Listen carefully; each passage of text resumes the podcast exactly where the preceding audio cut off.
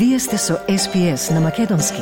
Слушнете повеќе прилози на sps.com.au козацрта на Седонин.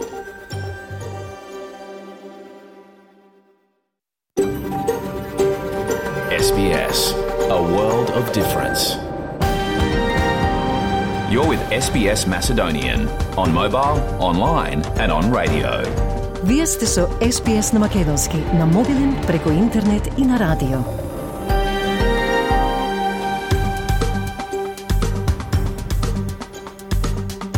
СПС им одава признание на традиционалните собственици на земјата, народот во Ранджери Вој Варанг на нацијата Кулен, минати сегашни и од чија земја ја имитуваме програмата. Добар ден, денеска е 27 декември, а со вас е Маргарита Василева. Од најновите настани во Македонија објавена е листата на најмојкните пасоши во светот. Македонскиот е на 36-тото место. Граѓаните што најмногу штедат струја ќе имаат пониски сметки, а македонскиот јазик влезе меѓу 10 светски јазици на Вселенската патриаршија. Тој прилог во вториот дел од програмата, а од светот на вештачката интелигенција подоцна ќе известиме за трансформацијата на војувањето, што ги поттикна експертите да предупредат на екстремни прекршувања на човековите права и морални прашања доколку не се воведат контроли. Во медицинското каче ве запознаваме со лупини, нов извор на растителен протеин потребен за мускулите, коските и енергијата. А во последниот дел од емисијата ќе имате можност да ја проследите серијата од 10 разговори за македонските везови со етнологот доктор Наде Костадиновска Спасеновска. Втората епизода е посветена на носијата од Скопска Црнагора. А сега останете со нас за билтин од вести со Маја Талевска.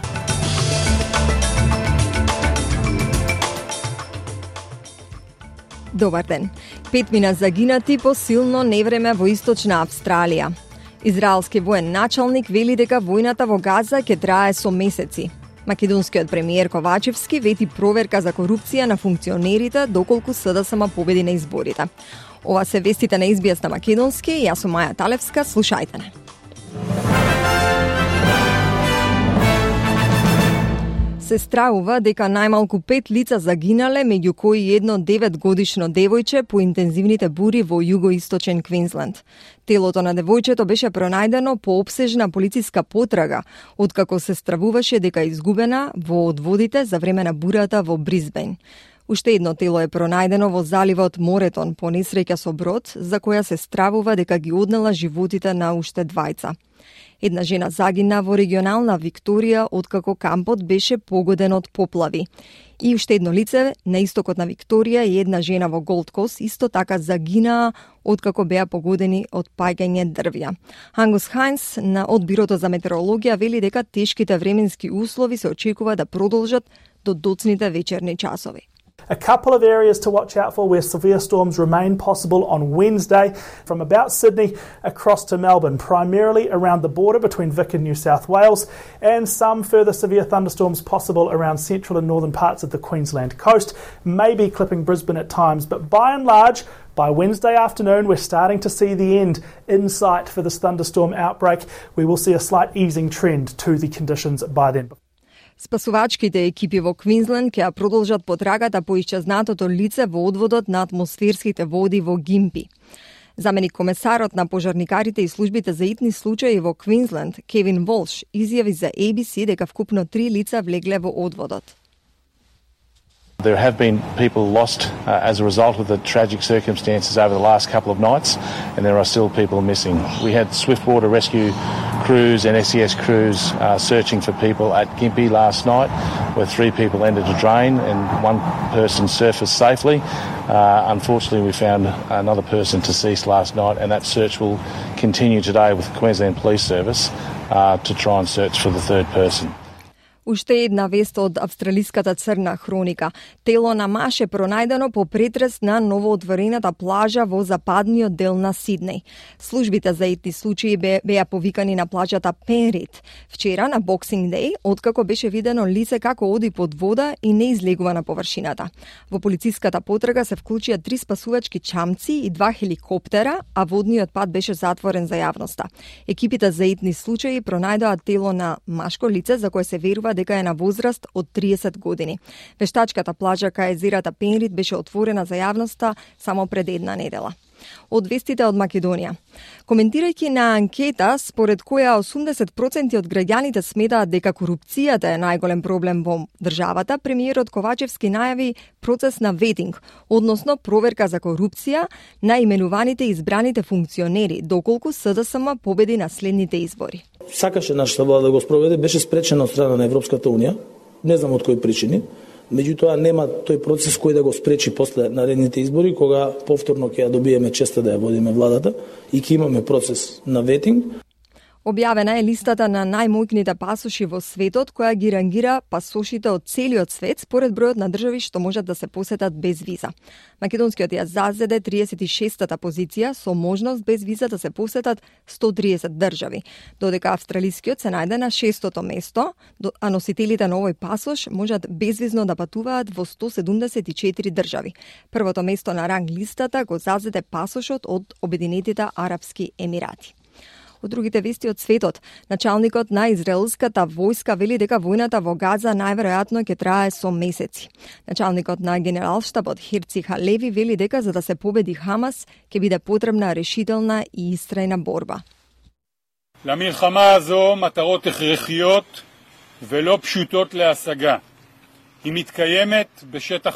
This war has necessary and not easy goals to achieve. It takes place in complex territory.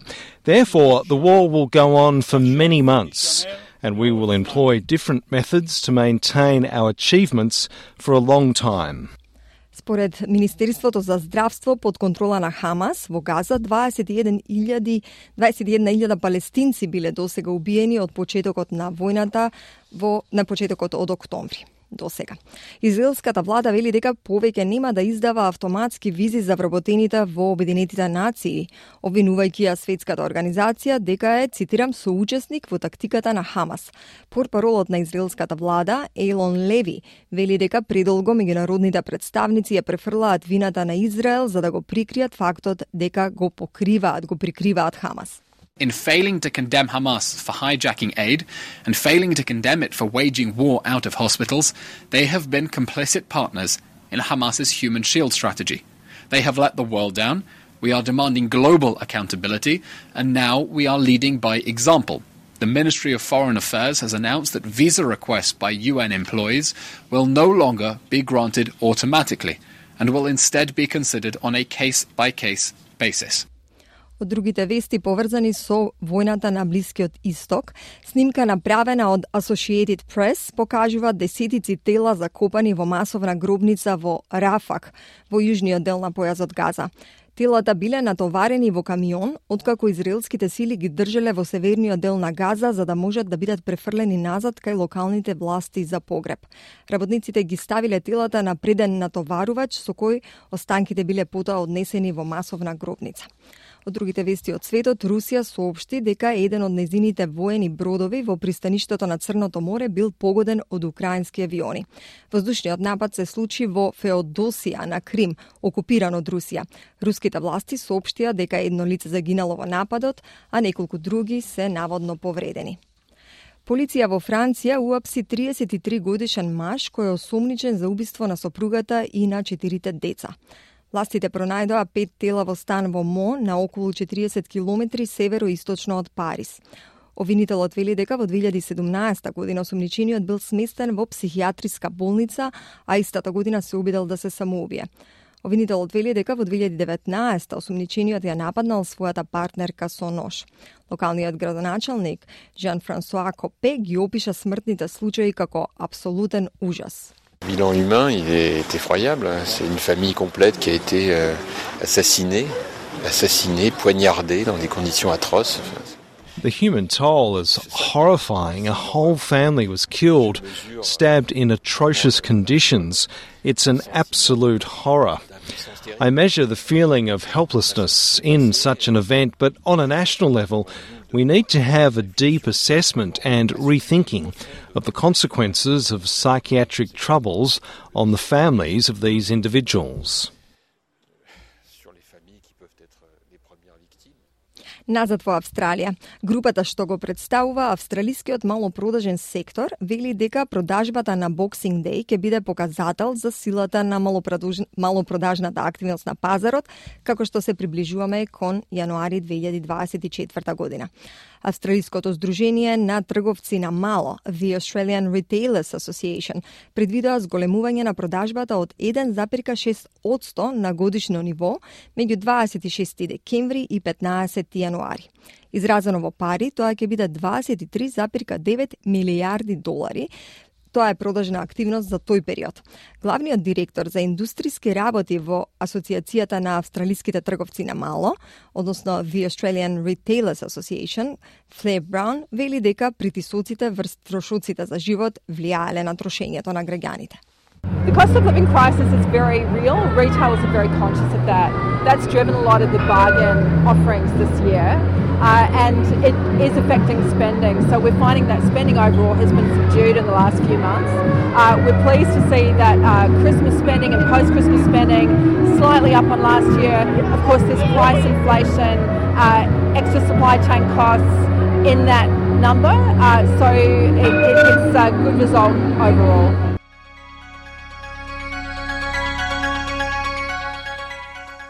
И да видиме како се движи најновата курсна листа. Денеска еден австралиски долар се менува за 0,61 евро, за 0,67 американски долари и за 37,71 македонски денар. Додека еден американски долар се менува за 55,49 македонски денари, а едно евро за 61,12 македонски денари. И да видиме какво време не очекува утре низ Австралија, главните градови на Австралија, утре четврток 28 декември. Во Перт времето ќе биде претежно сончево, со максимална температура од 30 степени. Аделаида ја очекува делумно облачно време. Температурата ќе достигне 29 степени. Мелбурн го очекува облачно време, со максимални 21 степен. Хобарт го очекуваат слаби повремени врнежи и исто така температура од 21 степен. Во Камбера времето ќе биде претежно сончево. Температурата ќе достигне 28 степени. Сиднеј утре го очекува сончево време и максимални 30 степени. Времето во Бризбен утре ќе биде делумно облачно со максимални 36 степени. По Дарвин се очекува можна бура и максимални 35 степени и претежно сончево време и неверојатно максимални 43 степени за Алис Спрингс.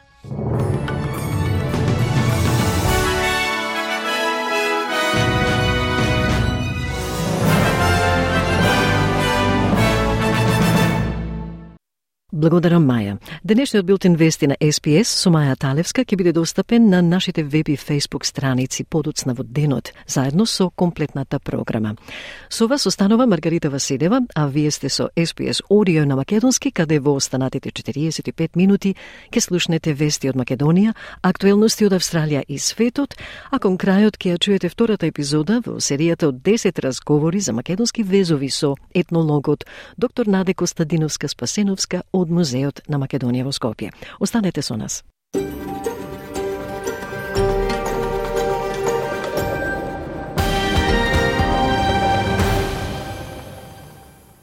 Слушате SPS Audio на македонски, со вас е Маргарита Василева. Во вести од Македонија објавена е листата на најмојкните пасоши во светот, македонскиот е на 36-тото место, Тие што најмногу штедат струја ќе имаат пониски сметки, од 1 јануари цената на струјата во првиот тарифен блок се намалува, цената на ефтината струја и вториот блок остануваат исти, а зголемување ќе има во третиот и четвртиот блок.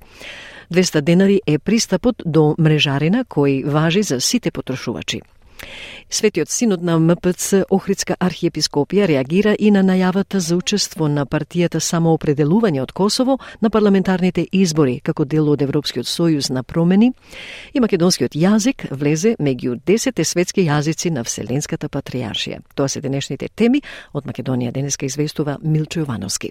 Доколку ја добиеме честа да ја водиме владата во следниот мандат, ќе проведеме процес на ветинг и тоа не само на именувани избрани функционери, туку може треба да се прошири како од премиерот до министрите, па се до цари на судови и обвинителства, изјави премиерот Димитар Ковачевски на пресконференција, одговарајќи на новинарско прашање да искоментира анкета според која 80% од граѓаните сметаат дека корупцијата е најголем проблем во државата сакаше нашата влада да го спроведе, беше спречена од страна на Европската Унија, не знам од кои причини, меѓутоа нема тој процес кој да го спречи после наредните избори, кога повторно ќе ја добиеме честа да ја водиме владата и ќе имаме процес на ветинг, во кој што точно ќе може да се идентификува кој е за унапредување, кој е за доусовршување, а кој не може да извршува одредена функција.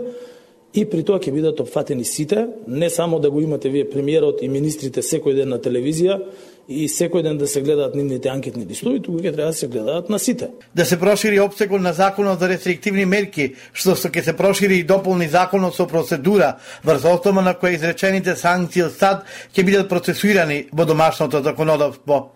Со тоа, оние лица кои се ставени на црната листа на САД според неа ќе може да се санкционираат и во македонското законодавство. Ова во дневникот на МРТВ го рече заменичката на председател на владата, задолжена за политики за добро владење, Славица Грковска. Поред неа, ова иницијатива била поздравена и од страна на координаторот на State департментот на САД за глобално спречување на корупција, Ричард Нейфју, со кого таа одржа средба во рамки на конференцијата на земите подпитнички на Конвенцијата на Обединетите нации против корупцијата во Атланта САД. На прашањето дали очекува поддршка од опозицијата за усвојување на овој закон, вице-премиерката Грковска истакна дека ретко се наидува на некој кој ќе каже дека не се залага за борба со корупцијата. Председателот на Собранието Талат Джафери во интервју за Мија на прашањето какви гаранции ќе даде на опозицијата дека нема да дозволи да дојде до изборни манипулации и нерегуларности, изјави дека законската обврска за спроведување на изборите ја има Државната изборна комисија, а он како технички премиер, таа ќе има целокупната поддршка и помош. Интернет страницата Паспорт Инджет редовно објавува листа на најмокни пасоши во светот, а според последниот список на прво место е пасошот на Обинетите Арапски Емирати. Паспорт Индекс ги рангираше пасошите на 96 земји ширум светот. Од регионот Словенија го дели седмото место со 4 други земји, а нивните граѓани можат да патуваат без виза во 173 земји. Во топ 10 е и Хрватска, која го дели тоа место со Летонија, Исланд и Лихтенштайн.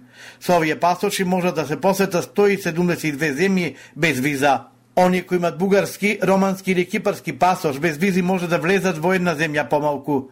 Српскиот пасош е на 32-то место, а со него без виза може да се патува во 137 земји. Пасошот на Македонија е на 36-тото место, заедно со Самоа и Тувалу, чии граѓани без виза може да патуваат во 130 земји. Дали државните вработувања според етничката припадност се уставни, иако ваква иницијатива досега не е поднесена до Уставниот суд, председателката Добрила Кацарска вели дека оглас на кој се бараат македонци, албанци или турци во уставен нема да најдете без да навлегува во огласите кои ги објавуваат другите институции, таа вели дека пред уставот сите граѓани се еднакви. Граѓаните се еднакви според уставот, еднакви, без оглед на која националност припаѓаат. Имаше повеќе конкурси во Уставниот суд од како сум јас председател. Нема да најдете ниту еден конкурс каде што стои дека тоа работно место е за албанец или за турчин или за македонец. Не. За мене е жално ако некој граѓанин за да добие вработување треба да се изјасни за националност која што не е негова. За мене е тоа жално. А дали е тоа така или не, дали имало таков случај, не знам. Откако минатата недела, Уставниот победи иницијатива за оценување на уставноста на изволите со графа националност, Кацарска останува на ставот дека ова е лично прашање, а Македонија е единствена земја која бара од граѓаните да се изјаснат. Следната година Кацарска очекува предуставен да се најдат и законите за јазиците, за солидарен данок, законите за коридорите 8 и 10Д, но ќе се оценува и уставноста на измените на кривичниот законник. Цената на електричната енергија за домакинствата поевтинува, но само во краткиот прв блок за 5,16%. Во вториот тарифен блок останува иста, а иста останува и цената за ефтина тарифа од 1 јануари 2024 Третиот блок поскапува за 2,88%, а оној четвртиот за нештедачите исто така ќе биде повисок за 1,86%. Председателот на регулаторната комисија за енергетика Марко Бислимовски рече дека со новата наплата на доместокот од 200 денари, кој повеќе ќе осетат оние со повеќе недвижнини, мрежарината поевтинува во просек за 23 од 100. За 11 од е големен број на вработени во слободните зони годинава во споредба со лани, а во исто време и трендот на зголемување на платите.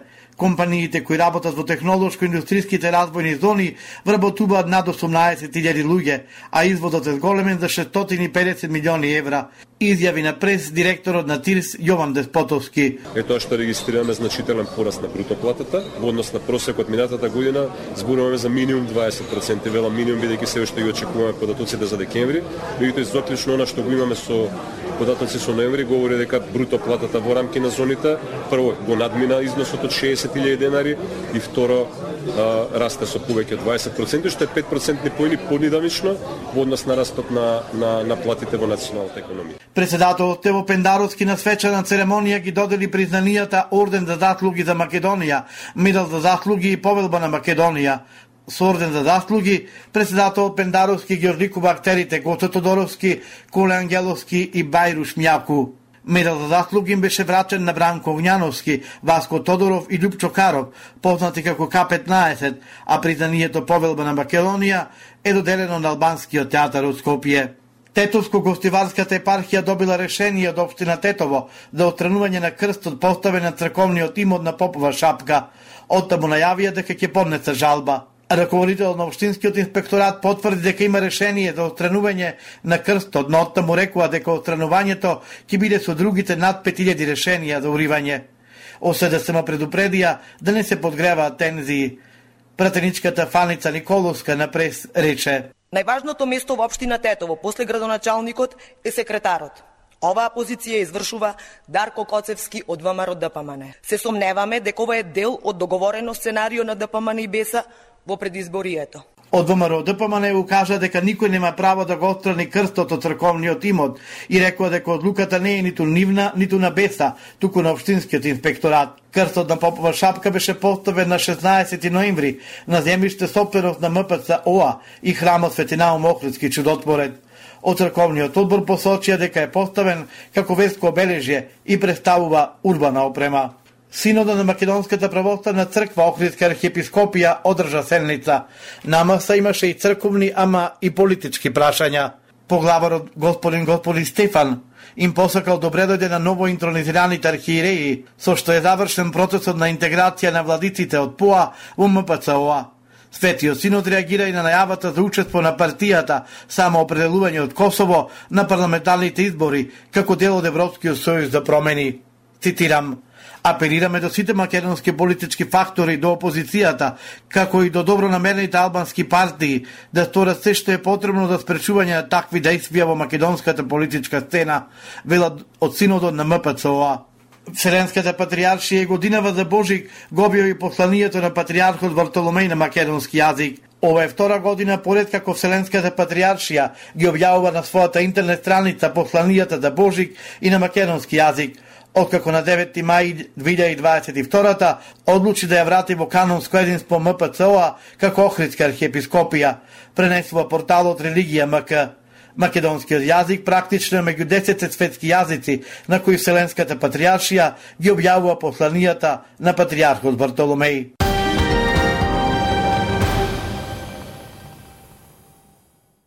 Тоа беше извештајот од Македонија на Милче Јовановски за 27 декември. Доколку сакате да слушате и други теми на разговори, репортажи, избор прилози и интервјуа, посетете ја нашата Facebook страница SPS Macedonian или нашата веб страница sps.com.au Macedonian. Таму ќе најдете и видеоклипови од разни настани во македонската заедница. По неколку информативни пораки од СПС ќе преминеме и на актуелности, а подоцна и на разговорот за македонските везови. Вие сте со СПС Audio на македонски. Вие сте со програмата на СПС Audio на македонски јазик со Маргарита Василева. Подемот на вештачката интелигенција, каде што компјутерите или машините ги имитираат човечките способности за решавање проблеми и донесување одлуки, влијае на се повеќе аспекти од нашиот секојдневен живот. Тоа исто така го трансформира војувањето, потекнувајќи ги експертите да предупредат на екстремни прекршувања на човековите права и морални прашања, доколку не се воведе контрола. Повеќе на оваа тема од прилогот на Дебра Гроак за SBS News. Начинот на кој водиме војна се менува. Експертите предупредуваат на нова трка во вооружување за милитаризирање на вештачката интелигенција. Професорот Тоби Уолш, главен научник во Институтот за вештачка интелигенција на Универзитетот во Нов Јужен Велс, вели беспилотните летала кои летаат над Афганистан или Ирак се уште се полуавтономни, се уште имаат човечки прсти на чкрапалото. Но се повеќе тие беспилотни летала ги управуваат компјутерите и се повеќе нивните компјутери ја носат таа конечна одлука на кого да нишанат и кого да убијат на земјата. You're familiar with seeing drones flying above the skies of Afghanistan and Iraq. Those are still semi-autonomous. There's still a human in the loop. There's still a human whose fingers on the trigger. But increasingly, those drones are being flown by computers, and increasingly, it's computers that are making that final decision to decide who to target and who to kill on the ground. Според Обединетите нации, системите за автономно оружје лоцираат, избираат и ангажираат човечки цели без човечки надзор. Овие системи се познати и како роботи убици, killer robots, и може да се подпре на податоци како што се тежина, возраст и раса за да идентификува и нападне. Доктор Олга Бојчак, социолог и предавач за дигитални култури на Универзитетот во Сиднеј, вели вештачката интелигенција се користи за убивање луѓе врз основа на нивниот отпечаток на податоци. Според Бојчак, вештачката интелигенција се користи од многу војски ширум светот за да се идентификуваат субјектите кои се потенцијална закана. Тоа се нарекува смрт со метаподатоци. И тоа е затоа што нечи отпечаток од податоци наликува на познат терорист, вели Бојчак. AI is being used to um, to kill people based on their data footprint. We know that uh, AI is used by many militaries around the world to identify uh, subjects that are a potential threat. It is it has a name. It's called death by metadata, and that is because someone's uh, datafied footprint would be resembling that of a known terrorist. Извештајот на Обединетите нации сугерира дека првиот автономен напад со беспилотни летала се случил во 2020 година, каде што биле распоредени дронови од турско производство во време на воениот конфликт во Либија. Од тогаш тој тип на оружје играл улога во други конфликти, вклучувајќи ја и војната во Украина. Според Австралискиот институт за меѓународни односи, Русија, Кина, Израел, Индија, САД, Обединетото кралство и Австралија се меѓу земјите кои работат во развојот на вештачката интелигенција за воени апликации. Професорот Волш вели Израел е нација со значителна способност за развој на оружје, а самата граница на Газа е една од најнадгледуваните граници, со голем дел од тој надзор направен со системи на автономна вештачка интелигенција. Israel is a nation with a significant um, capability to develop arms. Um, and um, the Gaza border itself has been one of the most surveilled borders, with, and lots of that surveillance is done with aut autonomous AI powered systems. Предавањето на овие одлуки за живот или смрт на машините поставува морална дилема – чиј развој ги натера експертите да повикаат на регулирање на смртоносното автономно оружје според Конвенцијата на Обединетите нации за одредени конвенционални оружја и тие да бидат забранети според Женевската конвенција во исто како што беше хемиското и биолошкото оружје во 1925 година. Ова е Даниела Гавшон, австралиска директорка за Human Rights Watch. Според неа, оружјето што функционира без никаква значајна човечка контрола, нема никакви човечки квалитети на расудување и сочувство, кои се толку составен дел на правење анализа на она што е законска цел, а воедно и за тоа дали да се оди напред или да се повлечат различни моменти. Autonomous weapon systems have a host of ethical, moral, legal, um, accountability and security challenges. Weapons that operate without any meaningful human control don't have any human qualities of judgment and compassion, which are such integral parts of making an analysis about what's a lawful target and then whether or not to go ahead or pull back at different moments. Експертите како професорот Волш стравуваат дека реалноста на автономното оружје со вештачка интелигенција не е целосно реализирана и бараат акција пред да биде предоцна. An example, uh, one that probably terrifies me most, is a, a Russian autonomous underwater submarine. It's called Poseidon. Uh, it's the size of a bus. It's nuclear powered, so it can travel almost unlimited distances at very high speed. Uh, and it's believed it will carry a dirty nuclear bomb, a cobalt bomb. This could drive into Sydney Harbour and autonomously an algorithm decide to start a nuclear war. Професорот Волш изјави, цитат, Она што најмногу ме плаши е руската автономна подводна подморница, која се вика Poseidon. Има големина на автобус, има нуклеарен погон за да може да патува речиси неограничени растојанија со многу голема брзина и се верува дека ќе носи валкана нуклеарна бомба.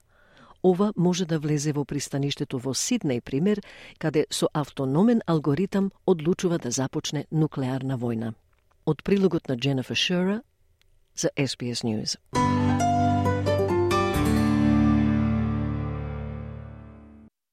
Вие сте со SBS Audio на Македонски. Со вас денеска е Маргарита Василева. Експертите велат дека протеините се важен дел од здравата исхрана. Една компанија во Западна Австралија работи на начини да направи значаен извор на протеини, наречени лупини – Сака да ја направи оваа храна поатрактивна алтернатива на различните алтернативи на месо од растително потекло и замени на млечните производи. Повеќе на оваа тема од прилогот на Дебра Гроак за SBS News. Прашајте кој било експерти за исхрана и тие ќе ви кажат дека протеините се важен дел од здравата исхрана. Нашите тела користат протеини за поправка на мускулите и коските и за енергија а кои се најдобрите извори? За научниците за храна во австралиската компанија Wide Open Agriculture, тоа е нешто што се нарекува лупини. Бен Кол, кој е основач на компанијата, вели лупините се еден вид неопеан херој или непризнат херој на нов извор на растителен протеин кој може да биде здрав ривал на сојата, грашокот и фавата, кои се трите главни извори. Lupins are sort of the unsung hero or the unrecognised hero of a new source of plant protein that, that can rival soy, pea and fava, which are, are the three big incumbents. Лупините се мешунки кои припаѓаат на семејството на грашок. Министерката за земјоделство на Западна Австралија, Джаки Гавес, вели дека традиционално лупините биле значаен дел од земјоделскиот пейзаж на државата. Фармерите од Западна Австралија, вели Гавес, особено одгледувачите на жито, во основа го хранат светот со жито, пченица, овес, јачмен, канола. Лопините вели таа, се важна култура за фармерите, така што ја одгледуваат на секој две или три години бидејќи го поправа азот во почвата. Во минатото тие се користеа за сточна храна, така што немаа огромна комерцијална вредност, додава Гавас. So, West Australian farmers, um, particularly our grain growers, we basically feed the world with regard to grain, wheat, oats, barley, canola. Lupins are a really important break crop for farmers, so they might grow it every two or three years because it fixes nitrogen to the soil. In the past, they've been used for stock feed, so they haven't actually had a, a, a huge commercial value. So, whilst they're really important for our farming systems, actually being able to extract that protein and turn it into a plant based protein has huge opportunities for Western Australia. Тоа е она што компаниите како WOA се надеваат дека ќе го подобрат. Бен Кол вели дека тие развиле методи за екстракција на протеинот и правење зрна од лупин повкусни за различните алтернативи на месо од растително потекло и замени за млечни производи. Тој вели дека лупинот е одличен извор на растителни протеини за оние кои следат вегетаријанска исхрана. Сега е времето за лупини, за која технологијата произлезе од 30 годишен истражувачки проект, кој на вистина ја идентификуваше способноста да се расплетува протеинот лупин и да се направи повеќе разноврсна за целата палета на прехрамбени производи, изјави Бен Кол. Why now is the time for lupin is really the technology has arisen um, out of a 30-year research project that really identified the ability to unfold the lupin protein and make it more versatile for a whole range of food products products. Но не станува збор само за алтернативни извори на храна. Еколошките групи ја доведуваат во прашање одржливоста на одгледувањето на сојата, кое е тесно поврзано со уништувањето на шумите и монокултурата, земјоделска практика која се фокусира на една култура. Хайдер Ал-Али, виш научник за храна во Wide Open Agriculture, смета дека компаниите за производство на храна и научниците широм светот се во трка во потрага по нови алтернативи поради веќе ажурираните информации за климатските промени. Тоа е реалност, вели Ал-Али, и едно од можните алтернативи може да биде лупин како решение за овој проблем. Food manufacturing companies and scientists around the world, I think, in a race looking for new alternatives. Because due to the already updated actual information about climate change it is happening it is a real thing. But we don't think there is enough time maybe that to achieve what we want to achieve that security. So one of these possible alternatives can be lupin as a solution for this problem Бен Кол смета дека на потрошувачите се повеќе ќе им се привлечни квалитетите на лупинот. Сојата е она која се наоѓа во повеќето растителни материјали, но потрошувачите почнуваат да гледат за таа етикета и да поставуваат прашања за тоа како се произведува, а тоа се хемиски интензивни системи кои користат многу вода, изјави Кол. Soy is the behemoth. Um, it is it is the one that consumers, if they look on the back of pack, they'll be finding soy in most plant-based materials. Um, but consumers are starting to look behind that label and ask questions around how is it produced Um, very chemically intensive systems that uses a lot of water. Uh, alongside that, there's the question mark around GMOs. A lot of consumers are saying, I don't want GMOs in my diet. And then the final plank of the phytoestrogens and the impact on their hormonal system. So, a lot of good reasons that consumers are now looking for choice. And, and we think the lupin bean is a really natural choice for the consumer that wants to look behind the label. Джеки Гавес вели дека владата на Западна Австралија верува дека и фармерите ќе го согледаат потенцијалот на лупините. Таа вели дека Западна Австралија одгледува 85% од лупините во светот. Таа не знае дали може да ја заменат сојата, но предпоставува дека предноста ја имаат фармерите во Западна Австралија со земјоделците на ненаводнети култури кои се природно добри за почвата поради својствата на фиксирање на азот. Знаеме, вели Гарвес, дека се работи за надпревар со сојата, но смета дека ова е различен пазар. Министерката верува дека лупините се пазарот за луѓето кои бараат еколошки одржлив производ. WA certainly has a potential to, to supply a lot of lupins to the world. We, we grow 85% of the lupins in the world. Whether we can replace soy, I don't know. I guess the advantage farmers have in Western Australia, we're dry land farmers. These are unirrigated crops um, and they're naturally good for our soil for that nitrogen fixing properties. Um, we know that we're competing with soy, um, but this is a different market, I think. I think it's that, that market for people who are looking for that environmentally sustainable product. Prilubna Deborah Groak sa SBS News.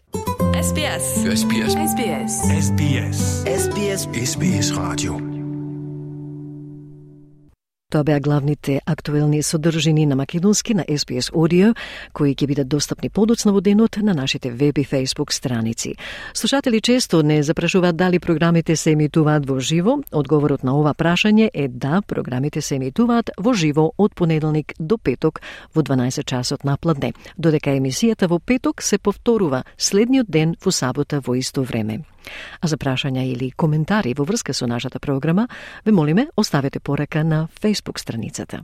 Останете со SBS Audio на Македонски, со вас е Маргарита Василева.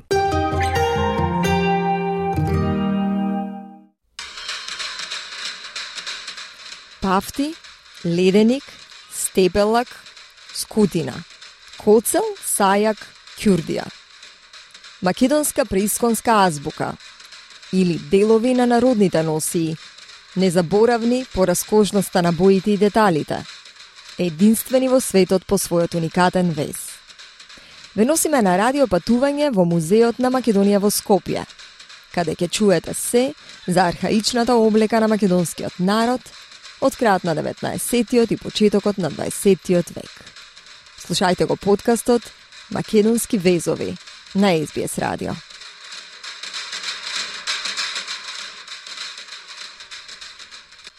Македонските народни носи од крајот на 19-тиот и почетокот на 20-тиот век се повеќе од облека. Тие се символички јазик на кој се изразувал народот. На тој начин, тој успел да раскаже прецизна приказна за идентитетот на оној што ја носел оваа традиционална креација. Во следниве минути ќе слушнеме за носиите од регионот на Скопска Црнагора. Ни символичкиот јазик на кој што се изразувале македонците во 19 и почетокот на 20 век, создавајќи ги народните носии, тие успевале да раскажат прецизна приказна за идентитетот на оној што ја носел оваа традиционална облека. Толкувајќи го тоа архаично писмо, два века подоцна, ние дознаваме дали една женска носија ја носела девојка, невеста или жена во одминати години. Дали таа била од источна или од Западна Македонија. И ништо во таа символичка игра не било случајно. Па така, големата прекривка со која се карактеризира невестинската носија од регионот на Скопска Црнагора, требало да ја штити невестата од лошото. Ни значењата и естетиката на една од најраскошните македонски народни носии не води етнологот магистар Наде Костадиновска Спасиновска од Музеот на Македонија во Скопје. Јас сум Маја Талевска. Слушајте не. Може да прошетаме сега и да ни објасните што тука е изложено во постојаната поставка во Музеот на Македонија. А, во музеот а, изложени се, како што кажавме, 70 носи. Првите што ги гледаме се од Скопскиот регион, меѓутоа ако се од Скопскиот сепак се различни, значи овие се од Скопска Црна Гора, другите до нив се од Скопска Блатија. Тие ова е невестинска носија, значи невестинската носија која ќе ја видите веднаш ќе ја препознаете, таа е целата импонзантна со големи покривала и накид на главата. Много раскошна. А, да, раскошна накид на на на градите. А, сето тоа имало одредена символика да ја заштитува невестата од а, лоши надворешни влијанија, а, пафтите го заштитуваат а, а, породот а, на нели на едната невеста и го прикажуваат репродуктивниот период на жената во која што се а, наоѓа нели со преминот од девој од моминство во веќе зрела жена со свадбата. Носијата се состои првично од кошула, значи линена кошула, во Скопска Црна Гора изразита со темно мудрата боја и со дебел вес и, во, и на кошулата и на ракавите. Меѓутоа, тоа е за невеста. Како што пред дев, кога е девојка, тој ве се помал Значи за невеста се зголемува. Так. Исто позади има и во задниот дел на на кошулата има пруги. Исто тие пруги се поголеми, повисоки за време на невестинство предходно и подосна се намалуваат. Така да а, една жена кога излезе на улица, буквално од носијата се читаат за неја. значи, Нашен да, статус. Тотално статус, значи се знаат и возраста и семејниот статус Потоа на, на половината опашуваат појас, кој што е долг волнен појас, претежно е црвен, меѓутоа знае да биде во црни црнозелени пруги. Го опашуваат на половината, врз него постилаат опашуваат скутина или скутерча, скутача, овдека е специфична со сребрена сребрена боја. И се ова рачно изработено, Се, се, буквално се е рачно изработено, освен накитот врз неа се става, како што ја кажав, пафтита, се обликува и саја, тие се, од, од озгора се става мар, овде случајов марама, марамчиња, риз, е, марами кои што се купечки ови од страната, така за да се доукраси носијата. Накитот е од метални сребрени пари, некаде да има и златни, меѓутоа претежно се користеле сребрените парички.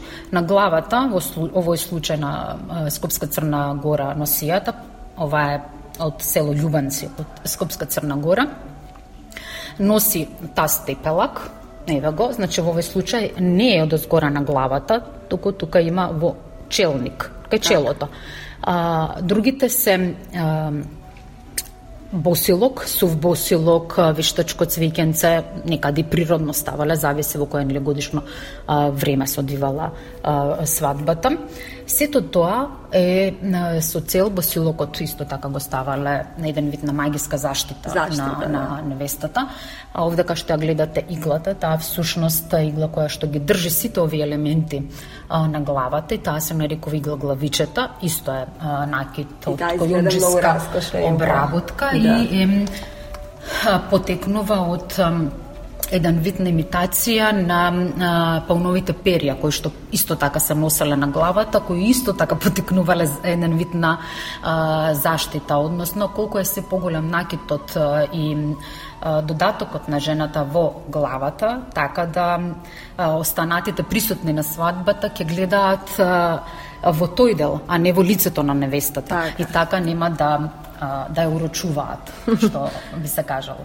Од кога датира оваа конкретно носија? Исто, крајот на 19 век се, се скоро сите. Дали семејството само ги изработувало носиите? Да, носиите ги изработуваат жените, меѓутоа и девојчињата учеле да да Везат. да ткајат, да везат од 10 годишна возраст па натака, значи ги учеле нивните мајки, баби, некогаш заедно во група или посебно и а, морале да си го искаат чеизот што се вика за а, за- за мажењето и тука помагале и а, постарите а, жени. А колку време било потребно за да се изработи една ваква Тоа зависи на пример а, да а, затоа што и, и поради тоа што е а, не само мак- макутрпна работата на жените наверојатно било интересно што му успеале ваква креација да создадат а, меѓутоа Затоа се практикувало да се а, на наоѓаат невести нели од истото село. Токму заради Да носијата заради носијата за нели Да. жената која веќе ќе се припреми нос носијата предходно да не мора да ја, да ја менува. Но доколку се случило да биде од, од различно село или регион тогаш таа морала да се прилагоди кон тој регион и да ткае нова а, носија која што ќе појде потребна нели за понатака. Невестинските носе, носи се носеле од денот на свадбата до раѓањето обично на првото дете и тоа за а, подоцна можели за време нели на празници, други свечености и така натаму додека нели не стан а, дојдат во тоа веќе зрело доба која што, кога целата носија се сведува на поед, поедноставност, без накид и останати додатоци. Што е со машката? Дали е тоа зетска носија? Во овој случај е празнична носија ние што имаме изложено, меѓутоа нема многу разлика од носијата, машката носија за свадба, бидејќи и празничната, свадбарската се носела за време на празници. Кај машките се карактеристични кога се работи за зетовска носија, нели, кошулите кои што во долниот дел, значи тие се целосни, меѓутоа во долниот дел изгледаат како сукњи. А, тоа е золништа, тоа е затоа што тука имаат повеќе клинови, односно повеќе набори и со самото тоа се а, покажува дека нели таа е а, свечена свадбена а, носија. Горната облека која што ја носат, таа е кюрдија, безракавна облека од дебела волнена клашна со обточена со црни гајтани од страните. Кај машките претежно се декорирани значи, околу вратниот дел, крагните и олечињата. Монистрениот накид кој што се ставал се нарекува кјустак. На нозете секогаш облекувале а, опенци, дебелни вол, дебели волнени чорапи и Исто така во раскожни шари. Да, да, тоа Во препознатливите македонски бои. бои, да. На главата носела шубари, капи, зависи во кој предел, меѓутоа за е, машките во глобала е е, тоа. Така, по, малце поедноставна отколку да. женската. Па исто како и сега, значи женските се тоа. А кај невестите заборев да кажам дека а, често а, во малте не скоро сите предели, меѓутоа носеле реликвијари како герданчиња, односно крстови со парички во долниот дел. Е сега накито доколку нели семејството не било во состојба да из, да, да изготви нов накит, односно нели да го да го земе, да. Да. А, тогаш а, а, накито се останувал ствари всушност во а, да се наследува генерацијски. Така да а, за невестата од Скопска Црна Гора Мајката го давала на невестата. А, да. Или свекрвата? Да. Не, а, мајката за тоа што не знаеме нели во во кое Која село. куќа и село ќе Е, така. Така. Ма често знаело не, мор, не, не морало да биде од незиното семе, семејство потесно, туку буквално од а, предходните. широката фамилија. Широката фамилија, да. Слушавте за македонската носија од Скопска Црнагора во разговорот на Маја Талевска со доктор Наде Костадиновска Спасеновска. Тоа беше вториот дел, а утре продолжуваме со третиот дел од разговорите од серијата, односно од 10 разговори. И за крај да се подсетиме на главните вести на СПС. Пет мина загинати по силно невреме во Источна Австралија. Израелскиот воен начелник вели дека војната во Газа ќе трае уште многу месеци. И македонскиот премиер Димитар Ковачевски вети проверка за корупција на функционерите ако СДСМ победи на изборите.